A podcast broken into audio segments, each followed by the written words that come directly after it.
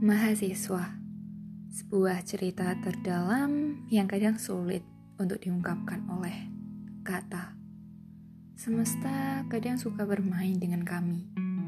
Senandung senja, hiruk pikuk kota, pergaulan bebas, dan kerumunan orang sebaya yang sering ditemui di sebuah kedai kopi. Hiburan yang sangat sederhana sebagai pelampiasan untuk mengikis pikiran Sebenarnya apa makna menjadi mahasiswa? Kami hanyalah anak-anak manusia yang mempunyai kisah manusia lainnya.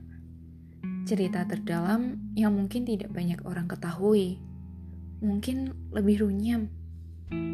Apa, siapa, seperti apa, dan bagaimana kisah kami.